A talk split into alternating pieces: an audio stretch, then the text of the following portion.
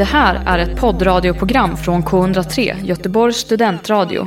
Du hittar oss på k103.se. Av upphovsrättsliga skäl är musiken förkortad.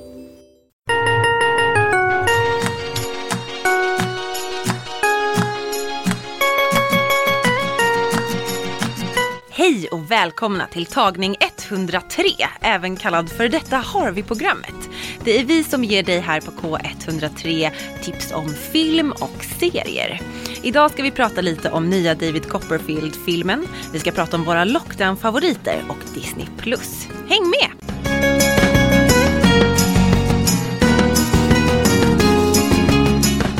Det är så kul att vara tillbaka i studion igen. Det har ju varit ett tag sedan. Vi tänkte alldeles strax presentera oss, men det blir lite cliffhanger där, för först tänkte vi presentera programmet.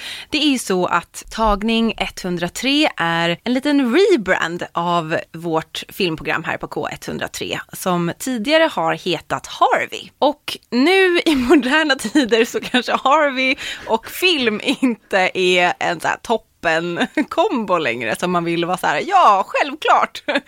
Det blev lite jobbigt där någon gång vid 2018 att heta Harvey som filmprogram. Sent 2017 och sen. Ja, ja nej, Harvey hette ju vårt filmprogram sedan 2007 och var ju baserat på den gamla filmen Min vän Harvey. Och därav att vi också hade kaniner som vi delade ut. För Harvey var ju en film med James Stewart där han har en imaginär vän som är en kanin. Ja, supergulligt. Det var ju supergulligt, men det hjälper inte att det är lite jobbigt. Nej, det gulliga does not outweigh the current uh, film politics where mm. Harvey isn't a great guy anymore that Nej. you wanna be associated with. Um, så därför har vi döpt om oss själva till tagning 103. Mm. Vi... Och vi kommer aldrig avslöja vilken tagning av det här programmet som vi har spelat in som det är ni hör. det är den konstanta frågan. Mm. ja, I det här filmprogrammet kommer att få höra recensioner, tips, eh, våra favoriter och så vidare. Och då, våra favoriter, det leder oss osökt vidare till vilka är vi? Vi mm. har ju Eva och Alice här som vi har ju lett programmet tidigare, men vi har en ny person med oss i studion. Ta-da! Hej! Hello, hello, hello. Vem av er är Eva och uh, Alice? Just det, jag kan ju säga, jag heter Alice Dryden. Jag heter Eva Gustafsson. Och jag heter Kristoffer Rissanen. Hej, och jag är ny här. Mm. Välkommen Kristoffer! Tack så mycket, tack så mycket, tack så mycket. Så kul att ha dig här. Ja, det är kul att vara med. Vi ska ju få bekanta oss lite mer med din filmsmak, mm. för att i dagens program så ska vi inte bara recensera nya David Copperfield-filmen som har premiär idag. Vi ska också prata lite Disney Plus, vår nya streamingtjänst. Och vi ska först och främst prata lite lockdown-favoriter. Vad har varit våra favoriter under de här månaderna där vi har varit off-air och inte kunnat prata med varandra lika mycket som vi har önskat, utan pratat med våra skärmar istället. Wow! Vad har vi liksom tittat på under karantäntiden liksom? Vad har du då haft som sällskap på din skärm hemma? Det har varit väldigt mycket, måste jag säga. Det har varit mycket mer tid över till att titta på serier och annat gott på skärmen sedan typ så här februari-mars, I guess. Var ska man börja någonstans? Det var ju nyligen e- e- Emmy Awards. Så yes. några, några serier som jag tittat på som varit med och vunnit någonting, det har varit Succession. Men jag har ju gått tillbaka och tittat på några gamla favoriter också. Oh, vilka under, då? Under tiden. Och så, eh, jag har ju tittat på Battlestar Galactica. Känner ni till det här? Jag känner till den men jag har inte sett den. Men är Nej. det här lite så här som att gå tillbaka till en comfort zone? Att så här, mm. i kristid då tittar jag på någonting som är mig tryggt och varmt om hjärtat? Alltså jag har ju gått tillbaka typ 11 år i tiden. För jag tittar på Battlestar Galactica i gymnasiet. Så det är så här, det här är verkligen en flykt från, vux, från vuxenlivet och, och verkligheten. För den som inte vet vad det är för mm. serie, mm. vad är det? Det är en science fiction-serie som man kanske hör på titeln Battlestar Galactica, hallå? Men det är en serie från 2003, 2004. Man kan kalla det typ så hard science fiction slash rymdopera. Fast det är inte så Star Wars, Star Trek med massa rymdvarelser och massa sjuk teknik och, massa, och såna här grejer. Det är inte en sån här konventionell serie på det sättet. Och det var de väldigt noggranna med att inte göra en, ännu en Star Trek. Utan de gjorde en serie som var väldigt verklighetstrogen på så sätt med tekniken och hur saker och ting fungerar. Och också att de hade mer fokus på typ sociala och politiska frågor som de berörde inom ramverket science fiction. Och science fiction är ju ett utmärkt ramverk för att utforska allt rent tematiskt. Verkligen. Det finns ju en historia, eller liksom en track record i till exempel Star Trek. Mm. Att det har varit mycket, alltså även de gamla första Star Trek-serierna. Där det var väldigt mycket, ja men som kanske inte hade hänt tidigare på film eller i rutan. Som då prövades och utmanades i Mm. Star Trek. Det är ju svincoolt. Precis. Och det var något som Battlestar verkligen, den utmanade verkligen, eh, inte bara genrekonventionerna för science fiction, men också den, den utmanade tittaren med vad det var för ämnen som togs upp. Så det var ju så här terrorism och demokrati versus militärt styre, eh, religion, alltså allt, allt möjligt som hängde med i den serien liksom. Och det handlar ju, alltså själva storyn är ju så här, robotar som människan har skapat, de kommer till, de har liksom varit borta ett tag och sen så kommer de tillbaka och, och, och så här, försöker utrota mänskligheten. Oh, och så shit. flyr 50 000, de 50 000 som är kvar av den mänskliga civilisationen, de åker i en sån här rymdflotta liksom och försvaras av ett enda militärt skepp och det är Battlestar Galactica. Men så det är liksom en flotta av skepp Ja, som, som färdas runt i rymden liksom. men Battlestar Galactica militär. Det, det är militären, det är de som skyddar den civila befolkningen liksom. Så varje, typ varje avsnitt så är det alltid någon kris typ. Vi, vi har ont om mat, vi måste skaffa mat, eller vi har ont om bränsle, vi måste skaffa bränsle. De har bombat eh, så här, vårt vattenlager, nu måste vi hitta vatten på en planet liksom. Så det är, det är alltid någonting som driver på berättelsen, att de måste fly, de är alltid under liksom, att de ska liksom utrotas.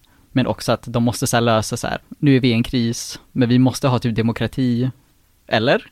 Så här, Eller är- måste vi det? eller måste vi det? Så det, det, det är alltid sådana här frågor som utmanar eh, och verkligen, man sitter och verkligen reflekterar över det man tittar på.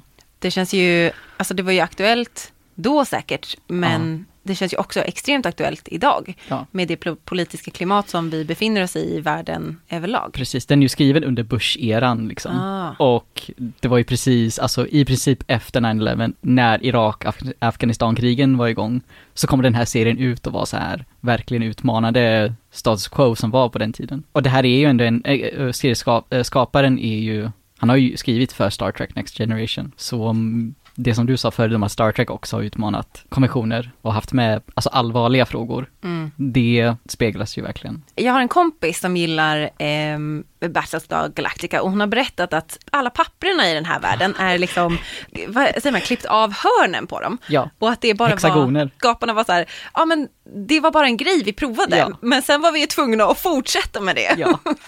Det var ju bara en sån rolig detalj som de som gör typ props, de bara, "Ja, men varför, varför inte bara ha hexagonala pappersark? Och sen bara, fuck. För nu måste Nu vi måste göra vi ha det en här. praktikant som bara klipper alla hörn på allting. Varje avsnitt i fyra, fem år. Ja, så alla papper också, att för det är ändå PMs som Ja. de så lämnar till varandra och bara, här läs det här, och man bara, god damn it, another paperclip.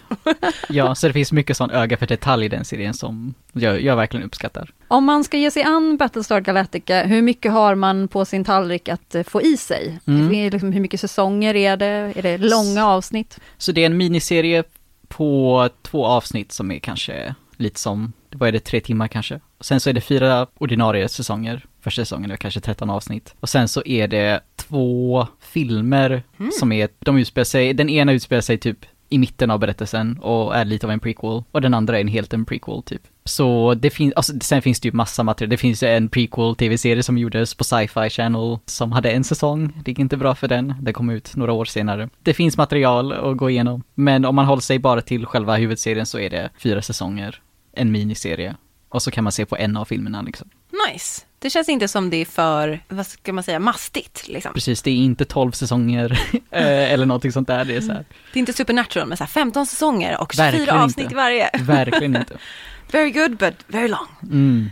Ja, så det är mitt tips. Nu när det är karantäntider under this cursed year of Oh my 2020, in the year of our Lord 2020. The never ending circle of pain. ja. Men är det den typen av så här, serier och filmer som du brukar tycka om att titta på? Alltså sci-fi? Ja, så jag, jag är ju, jag älskar ju verkligen så här fantasy, science fiction, skräck. Det är liksom de, de genrerna, I devour them liksom. Mm. Så alltså mina favoritfilmer är ju typ Sagan om ringen-trilogin, Jurassic Park, Aliens, den har jag tittat på sedan jag var liten. Mm. Aliens. Oj, eh, sen du var James liten? Ja, ja, ja, oh ja, oh ja, oh ja. You're a brave child. Nej, det var inte så läskigt. Det var inte så farligt. Men, men, men det kan ha påverkat att jag ännu idag så drömmer jag ibland om uh, sinomorfen från Alien. Jag får ibland drömmar om Alien. Well, ja. Så det, det kan ha något Kan med ha det satt att sina göra. spår, du säger kan det, ha ja, satt- kanske. Men det är väldigt spännande i alla fall att drömma om. Men jag gillar ju också så här typ Twin Peaks. Det är jag ett jättestort fan av. Även säsong tre, vilket jag vet Eva inte tycker om. Nej, nej, jag är inte alls... Alltså jag älskar ju Twin Peaks 1 och 2 säsongerna. Tre, Och filmen också. nej. Du uppskattar filmerna, men eh, säsong 3 av Twin Peaks, nej. Mm. Nej. I will defend that till, till the day I die. Me too. Jag är totalt neutral. Jag kan ingenting om Twin Peaks and do not plan of getting more knowledge about that. Ah, Jag, jag, in, in my defense så provade jag och såg några avsnitt och var så här, nej det här är inte för mig. Så jag har ändå smakat på karamellen men decided att it was not for me. Mm, vi går raskt Helt okej. vidare. Vi går raskt vidare, vi gör det. Låt oss förbli vänner. det är ju ingen som har kunnat missa pandemin. Jag tror faktiskt ingen har bott under en sån stor sten. Vi har ju inte sänt programmet sen just i mars heller. Tagning 103, dåvarande Harvey, har ju varit på paus. Och det är ju inte bara vi som har varit på paus och inte bara hela världen utan även filmvärlden. Det har ju varit ganska många premiärer som har blivit uppskjutna. Vi har Christopher Nolans nya film Tenet som blev hoppad hela tiden fram. Vi har Mulan som hoppade från mars till juli och sen bara bytte till från bio helt och hållet Nya till... Bond-filmen Just det. och Halloween 2 också. Ett helt år liksom. Så det är många filmer som har fått, som antingen hittat nya plattformar eller så har de bara så här flyttat på den kon- konventionella biopremiären liksom. Så det är ju stort spår som pandemin har satt i filmvärlden också. Och för att inte tala om att det under ganska lång tid har varit fullkomligt produktionsstopp.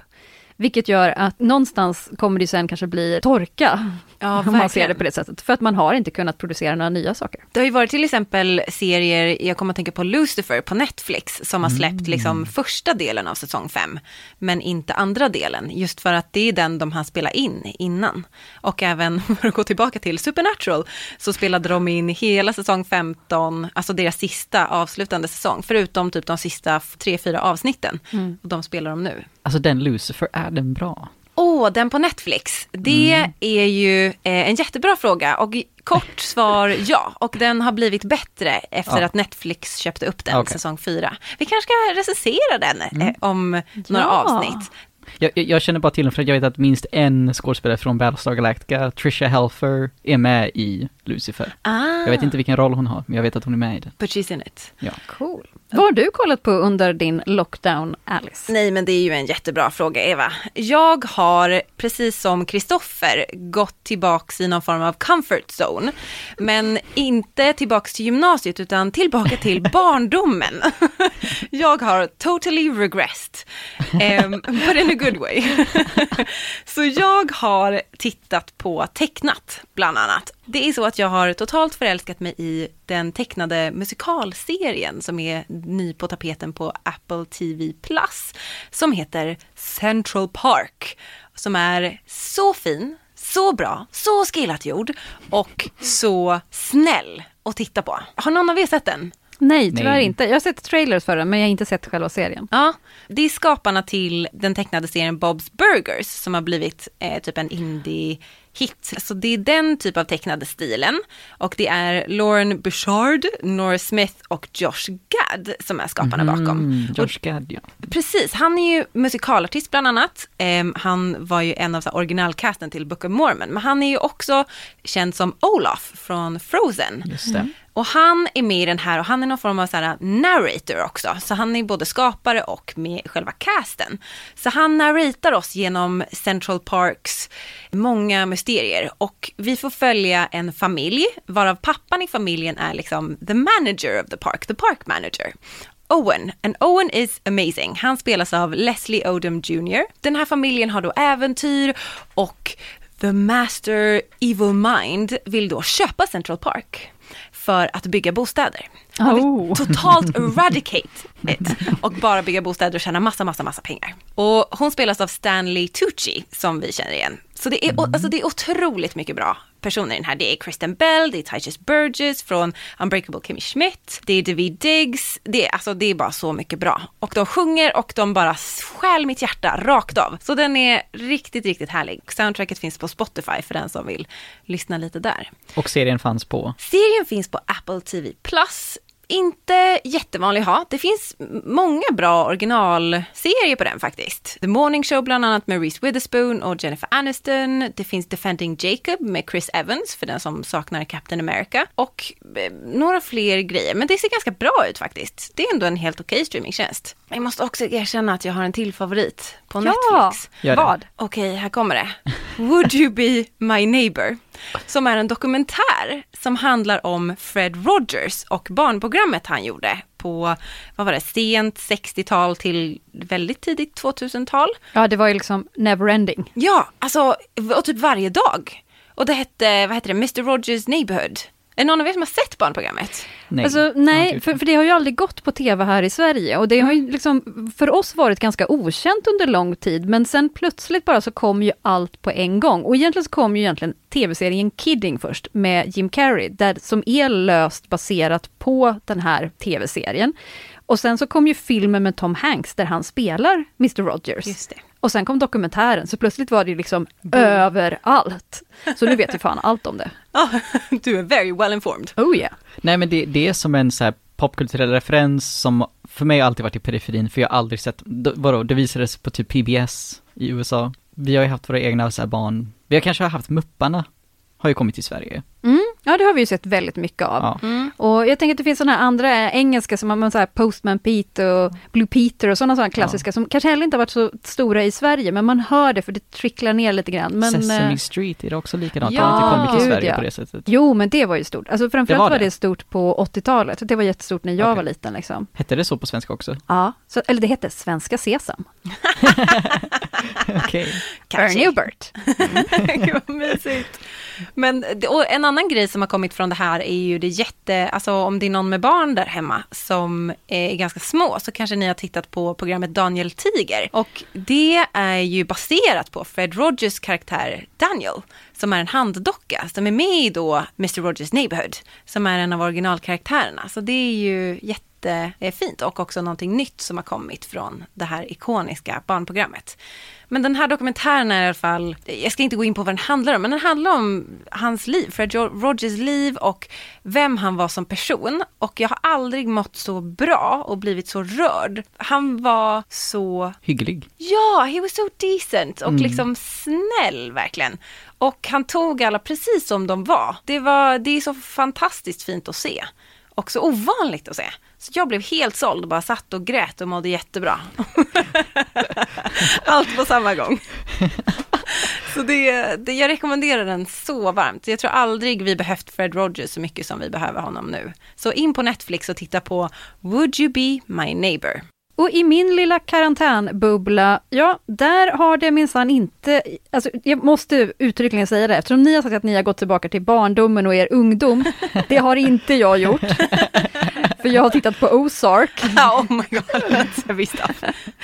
Och Ozark är ju en eh, serie som finns i flera säsonger med eh, de fantastiska Jason Bateman och Laura Linney i huvudrollen som familjen som hastigt och väldigt olustigt får lämna sitt liv när de blir involverad med en mexikansk drogkartell där Jason Bateman spelar en revisor, liksom så här ekonomiskt geni. Han är liksom kung på att planera ekonomi och framförallt är han asbra på att tvätta pengar. Mm. Och eh, om det är någonting som eh, drogkartellerna i Mexiko har så är det pengar som behöver tvättas. De åker då iväg till en plats som heter Ozark. För mig var Ozark helt okänt sedan tidigare, men när jag började titta på serien så blev jag väldigt fascinerad av det här sjölandskapet som finns, som är ganska stort, med, med väldigt mycket då, alltså gigantiska vattenmängder, men också väldigt mycket vikar och hemliga hillbilly-områden. Och där i den här världen, där finns det ju självklart, det är liksom lite off kartan. Det, det, är en plats som, eftersom det är väldigt mycket sjö, så är det en plats som många åker till som semesterparadis och många så sommarstugor och fina hus och så. Men här finns också är väldigt mycket shady i andra verksamheter som finns här just för att här kommer man undan radarn. Mhm. Och det här är då en perfekt plats för dem att försöka börja tvätta alla de här pengarna som de är ålagda att göra. För annars kommer deras familj bli mördad helt enkelt. Så de gör ju det här under livshot konstant. Och så handlar det om deras familj och deras två barn. Och jag tycker att den är så spännande och så välgjord. Jason Bateman och Laura Linney är fantastiska skådespelare. De är både väldigt roliga men väldigt allvarliga. De kan vara jävligt läskiga men samtidigt bara charmiga. Jag tänker på Jason Bateman, jag har ju sett honom i Arrested Development, en serie Ja. som jag verkligen gillar. Han har ju varit med i många såna här typ amerikanska komedifilmer på senare år som Ja. är ganska skrikiga och högljudda. Och då känns det som att han har bara spelat Jason Bateman, som- eller han har spelat samma karaktär i många verk. Hur skiljer det sig i... Det, det skiljer sig på det sättet att här, just eftersom han har gjort det väldigt mycket, och han Mm. spelar ju oftast, i komedier så är han ju också gärna the straight man. Ja. Han, som i Arrested Development, han är, ska ju vara den som är den vettiga, den som ska vara voice of reason hela tiden, medan Mm. alla andra omkring honom är liksom helt galna. Och han är mest bara trött och säger, men herregud, nu måste jag ta Mm. hand om det här. Liksom. Men här ser ju han den smarta, klipska, liksom den uträknande, han är hela tiden den som måste liksom lösa problemet när problemet hela tiden löser sig, eller ändrar sig. Han är väldigt bra på att spela den här liksom tänkande, uträknande, som snabbt plötsligt kan komma på liksom en helt annan lösning på någonting. Och inte är rädd för att lösningen kan vara så här, ja men vår lösning är att vi måste liksom eliminera den här personen. Det är den enda rätta liksom. Oj, Och det, att han kan vara ganska läskig på det sättet. Liksom. För att han gör det här för att skydda sin familj. Och det är, Mm. liksom, så det är inget annat som räknas. Det är bara för att skydda familjen som han gör det här. För han är tvungen. Liksom. Att just den här människan som är utan andra lösningar. Det är liksom bara det här som räknas. det är lite rått typ. Det är väldigt rått. Jag, tror att en, jag har pratat med en del personer som ser serien som tycker att de ibland känner att så här, det är lite för mycket, att det är ganska magstarkt. Men jag, det känns på ett sätt också ganska verklighetstroget på det sättet. Just det här skoningslösa Mm. Eh, våldet som finns inom drogvärlden. Det låter ju lite som Breaking Bad, eller mycket som Breaking Bad. Exakt. Det har eh, det ju beskrivits som också mycket. Ja. Att det här är en serie som liknar Breaking Bad väldigt mycket. Det låter väldigt intensivt men också sjukt kul att se skådespelare som man är vana vid att se kanske på ett annat sätt och verkligen få se dem spela ut hela sitt register. Mm. Superkul. Är det det enda du tittat på eller har du tittat på någonting för att väga upp det här? Det super- har jag. Ja. Eh, för jag började ganska snabbt att eh, se om The IT Crowd Mm. också, som ju är väldigt skär, charmigt med eh, Chris O'Dowd och eh, Richard Ayoade. Då kom jag också att tänka på att Richard Ayoade har ju också ett reseprogram Yay! som heter Travelman. Och det har gått lite grann på TV nu precis, då jag råkade se det och bara, men det här måste jag ju se om. Och det är ett väldigt så bite-size reseprogram där han åker till platser som inte är så långt bort. För om man har sett IT Crowd och märker att Ja, men hans karaktär där är ju en ganska speciell person eh, med mycket maner, mycket liksom eh, eh, riter och så, rutiner och så. Så är det nog ingenting emot hur Richard Ayoade är i verklighet. För där finns det också väldigt mycket så här, nej det ska vara så här, det ska vara så här och det ska vara på mitt sätt och det får inte vara jobbigt och så där. Och hans inställning är lite, det är lite så när man har tittat på de här Carl Pilkington eh, resor Mm. ut i världen, Ja. Där. Ricky Gervais skickar sin vän som inte gillar att resa ut i världen. Och Richards utgångspunkt är ju så här, det är ganska jobbigt att resa, så man ska inte resa så långt till att börja med. Och det ska vara ganska bekvämt. Och det ska inte vara för länge, för man vill inte vara borta för länge. Så alla hans reseprogram är, jag åker till den här platsen i 48 timmar. Och då kommer han ju heller inte så himla långt. Även om han faktiskt, han har varit typ i Marrakesh, då har han faktiskt varit. Men det är mycket så att han reser runt i framförallt europeiska städer. Så det är ofta ställen som man kanske ändå kan ha varit i, eller som man är intresserad av att åka till. Och det blir inte superäventyrligt och de gör ofta ganska udda grejer. Och, och sen alltid den här konstiga grejen att de ska alltid äta några konstiga saker som de inte tycker om. Men det är väldigt roligt och han är allt väldigt så här ganska försiktigt inställd till allting. Han bara så här, ah, vill, vill jag verkligen det här? Men reser Eh. han själv eller? Han reser alltid med en vän. Så att han har alltid med sig, det finns ett avsnitt till exempel där han åker med Chris O'Dowd. Eh, och det är oftast mycket engelska skådisar eller komiker som han reser med. Eh, så att själva mötet med den här komikern blir ju också väldigt roligt på det sättet. Och, eh, så att det känns som att man lär känna honom lite mer och mer och mer. Och hans grundtes för alla de här är ju så här, We are here, but should we have come? Det är, liksom, det är liksom grundtesen, nu är vi här, skulle vi verkligen ha kommit hit? Det här känns som att jag kan relatera till den här, den här försiktiga, noggranna personen som är ute på resans. Jag, visst, jag tycker det är kul att resa, men jag är väldigt, jag är väldigt bekväm med i hur det är här i Sverige också liksom. Att det ska vara på ett visst sätt. Så det är så här, det låter så att, kan man relatera till uh, Richard? Det kan man lite grann, det kan man absolut, men man kan också känna så här, han är säkert kul, men fan vad jobbig jag måste åka med. det är inte, han är inte nummer ett på min rese, eh, liksom, sällskapslista. Och just så här, ja nu ska ni, nu ska ni faktiskt uh, försöka rida kameler. Du är i tweedkostym. Varför då?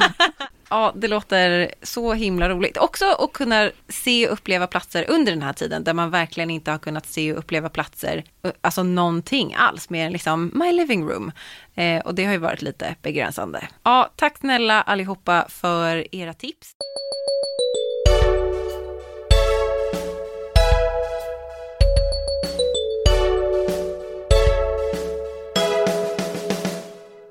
Ja, då ska vi alltså prata om nya David Copperfield-filmen som du har varit och sett Eva. Ja. Men innan du pratar om det så ska jag prata lite allmänt om David Copperfield tänkte jag. Hurra! Yay! Everybody loves some history!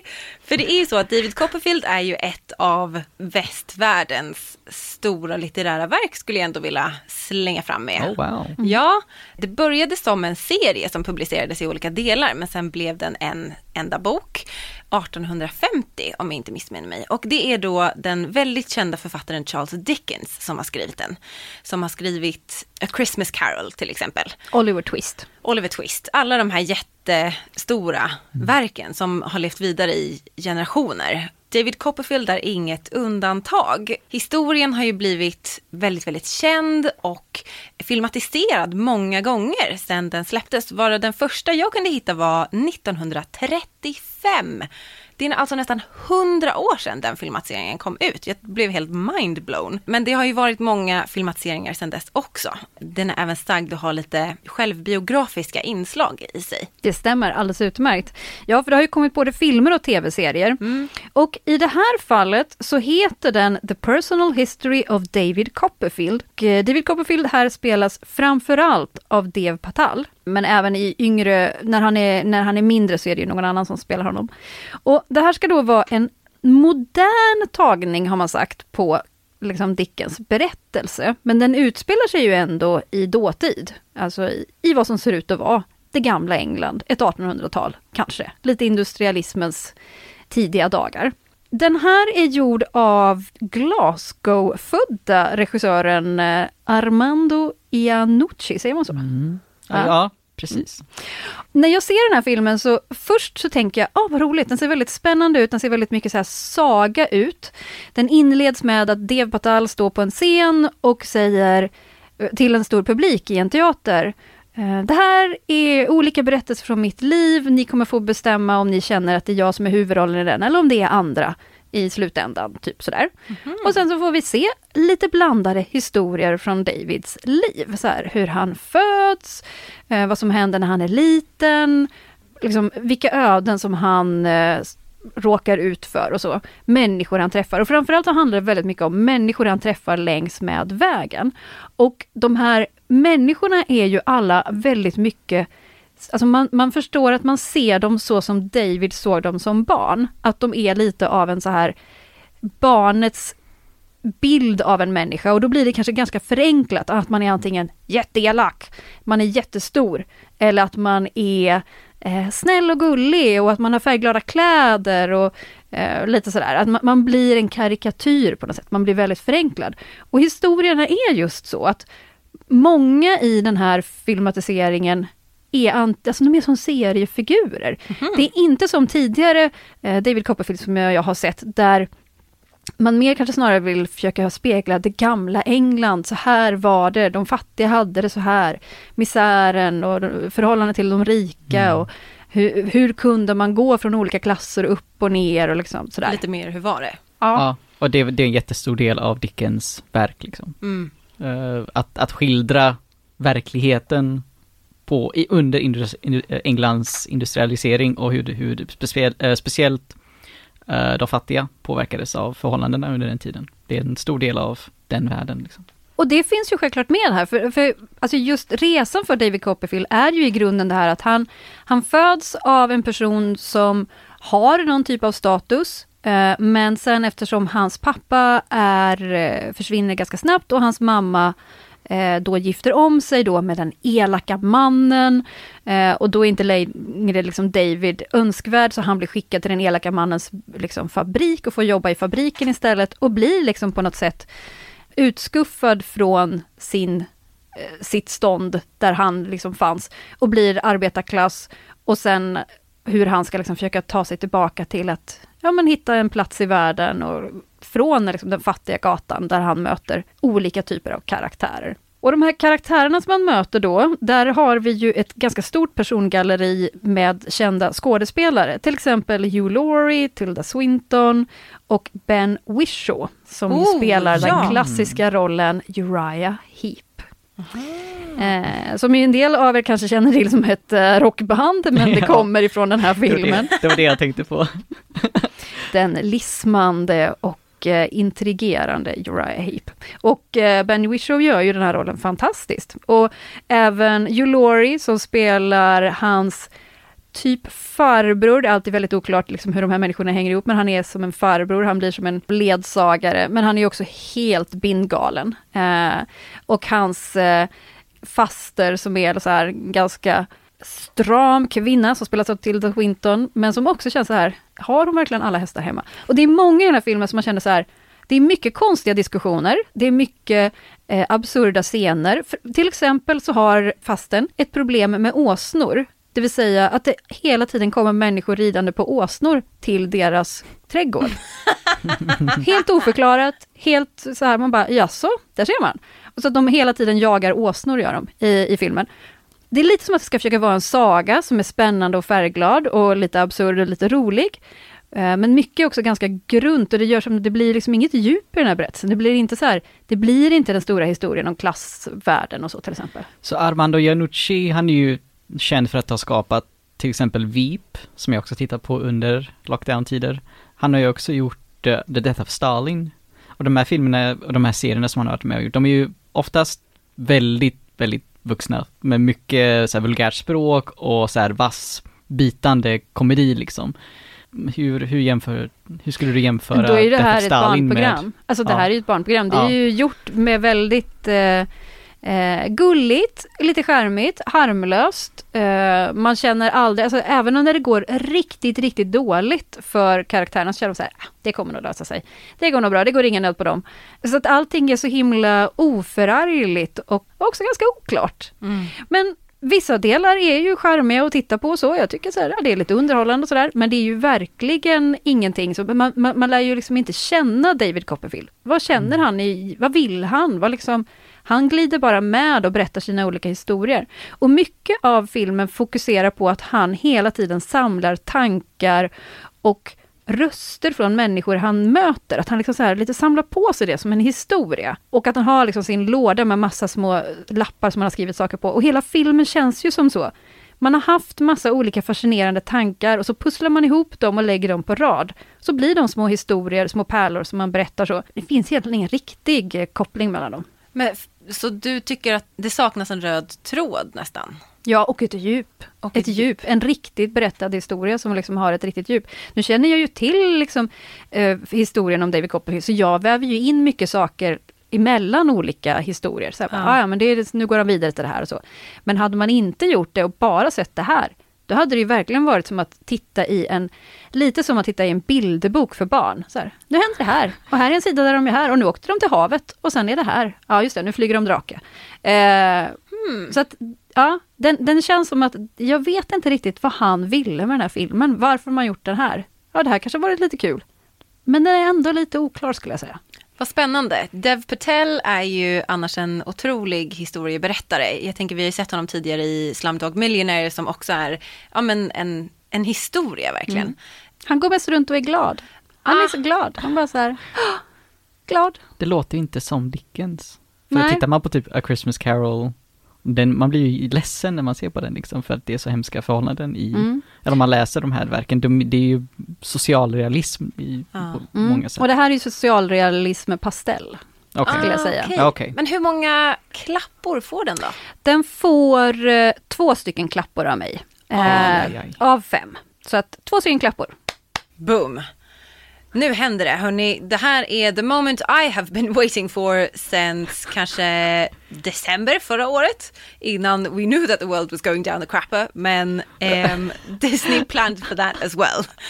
Eh, det är ju så att Disney Plus har lanserats i Sverige så efter månader av avundsjuka har äntligen Disney Plus lanserats här. För jag har varit så avundsjuk på alla som har bott i USA, i the UK. Holland! Holland? Jag vet! Men nu är den här. Och den kom 15 september, en tisdag. En väldigt spännande dag. Det är inte ofta saker lanseras på tisdagar. Nej, verkligen Sant. inte. Så det var kul. Det var en måndag av den här, nej, imorgon. Men det var, det var nästan i alla fall. Men vad kan man då se på Disney+. Plus? Jo, man kan ju se massa olika Disney-klassiker. Man kan se alla Marvel-filmer, Pixar, Star Wars, Disney Channel och lite otippat National Geographic. Ja, men det är ju content. också gulligt. Djur. Det är djur, det är väldigt sant. Och Disney Plus tänker jag som streamingtjänst är ganska lättnavigerad. Den är uppdelad i liksom alla de här kategorierna, Pixar, Disney, Star Wars. som man kan lätt hitta där, men sen så är det också så här Disney-prinsessor eller Disney-klassiker, alltså de riktigt gamla. Eller äventyr, alltså sådana här vanliga kategorier som man också hittar på till exempel Netflix. Så jag tycker att den är lättnavigerad och bra. Man kan också göra sin egen lista och man kan välja sin egen ikon och då kan man välja sin favorit Disney-karaktär till exempel. Eh, min är Nalle Puh. Så, och den, det finns mycket Nalle Puh-filmer på eh, Disney+. Plus. Det kan jag en shout-out. Vad har ni sett på Disney Plus so far? Jag har ju sett eh, The Mandalorian, Oh, så det är ju Star Wars. Och det är en eh, ganska liten serie på kanske åtta avsnitt eller så. Mm. eh, som uh, utspelar sig efter originaltrilogin från 70-80-talet. Och det är ju som en vilda västern fast Star Wars. Vilket i och för sig var pitchen för Star Wars första filmen. är det sant? Det skulle vara en, liksom en rymdvästern liksom. Aha. Så den är väldigt liksom eh, trogen till den ursprungliga själen som är Star Wars och det är liksom att det är, det är smutsigt och det är så här, det är ganska low tech för att vara en sån science fiction-värld och eh, det är skumma karaktärer och eh, moraliskt eh, tveksamma liksom bad guys eller good guys som är med antihjältar. Så det är ju liksom det är Han Solo fast som tv-serie nästan, fast det handlar om en, en Mandalorian som är samma art som typ Boba Fett och Django Fett om ni, om ni kan, Mm, kan dem. Absolut. Så de är ju liksom prisjägare. Så det handlar om det. Och sen så kommer det en liten Baby Yoda med in i bilden och den är jättegullig. Yay, det är den alla sett och så här blivit superhypad. Yes, den har blivit en meme på, över hela internet också och eh, det är en av de bästa karaktärerna. Är det sant? Ja. Werner Herzog som är den kända dokumentär och filmskaparen, han är ju med i en roll i den eh, serien. Och när han såg den här eh, lilla Yoda-dockan så grät han för han tyckte den var så fin. Och han bara, ni får inte göra, ni får inte ta bort den här dockan och göra CGI, ni måste ha kvar den här lilla pappeten liksom. För han, han tyckte den var så himla rar. Ja, det låter fantastiskt fint. Så om man gillar originaltrilogin, det är liksom samma Ja. skäl. Ja. Ja, Nice. Absolut. Eva, vad har du sett på Disney+. Plus? Jag passade på att se Hamilton eftersom jag inte får åka till USA och se den. Alexander Hamilton, yeah! Oh yeah! Ja, nej, men jag har ju varit intresserad av den, man har hört så otroligt mycket om den. Jag har inte haft jättehöga förväntningar för att eh, alltså, jag kan ändå, jag har sett mycket som har varit håsat och där man känner att så här, ja, mm, gud vad ni var psyched över det här. Men eh, jag var verkligen glatt överraskad. Jag tyckte att den var väldigt bra. Framförallt tyckte jag väldigt mycket om musiken. Och jag lärde mig mycket av den. Det, det blev jag också väldigt glad över. Så här, så här skapades USA. Mm. Birth of a nation. Utan att vara en birth of a nation. Ja. För de som inte vet så kanske vi också ska förklara att Hamilton är ju en inspelad version av Broadway-musikalen Hamilton som jag tror hade premiär på Broadway 2016 kanske och blev ett fenomen och totalt knocked it out of the park. Den är skriven av Lin-Manuel Miranda som har vunnit en Pulitzer Prize för texterna som han har skrivit till den här musikalen. Och den har ju vunnit hur många Tony Awards som helst och bara liksom, ja men den är så prisad. Det här är då en inspelad version av, jag kommer inte riktigt ihåg från vilket år, men det var när fortfarande så här originalcasten var kvar. Så det är alla från originalcasten som är med på den här inspelningen. Och det var så att den skulle haft premiär 2001 i oktober tror jag, på Disney Plus egentligen. Men sen med lockdown så kände de att de ville ge sin publik någonting, ja men lite hopp och lite kul. Eh, och därför så flyttade de fram premiären till juli, vilket var så otroligt snällt, tycker jag. Sa du 2001? Ja, du menar 2021? Ja, 2021, jag, så.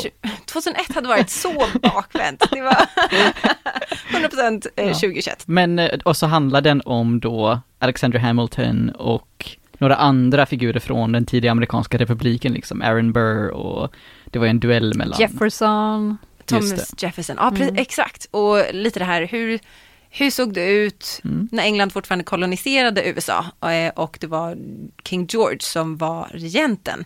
Och hur såg det ut när han blev utkickad, eller den revolutionen. Och hur såg det ut efter den revolutionen. Ja, Mm. Väl värd att se. Det var en trevlig upplevelse. härligt. I liked it. Jag hoppas att ni där hemma också är lika taggade på Disney Plus som jag. Och det finns så mycket att se. Bara ut och klicka.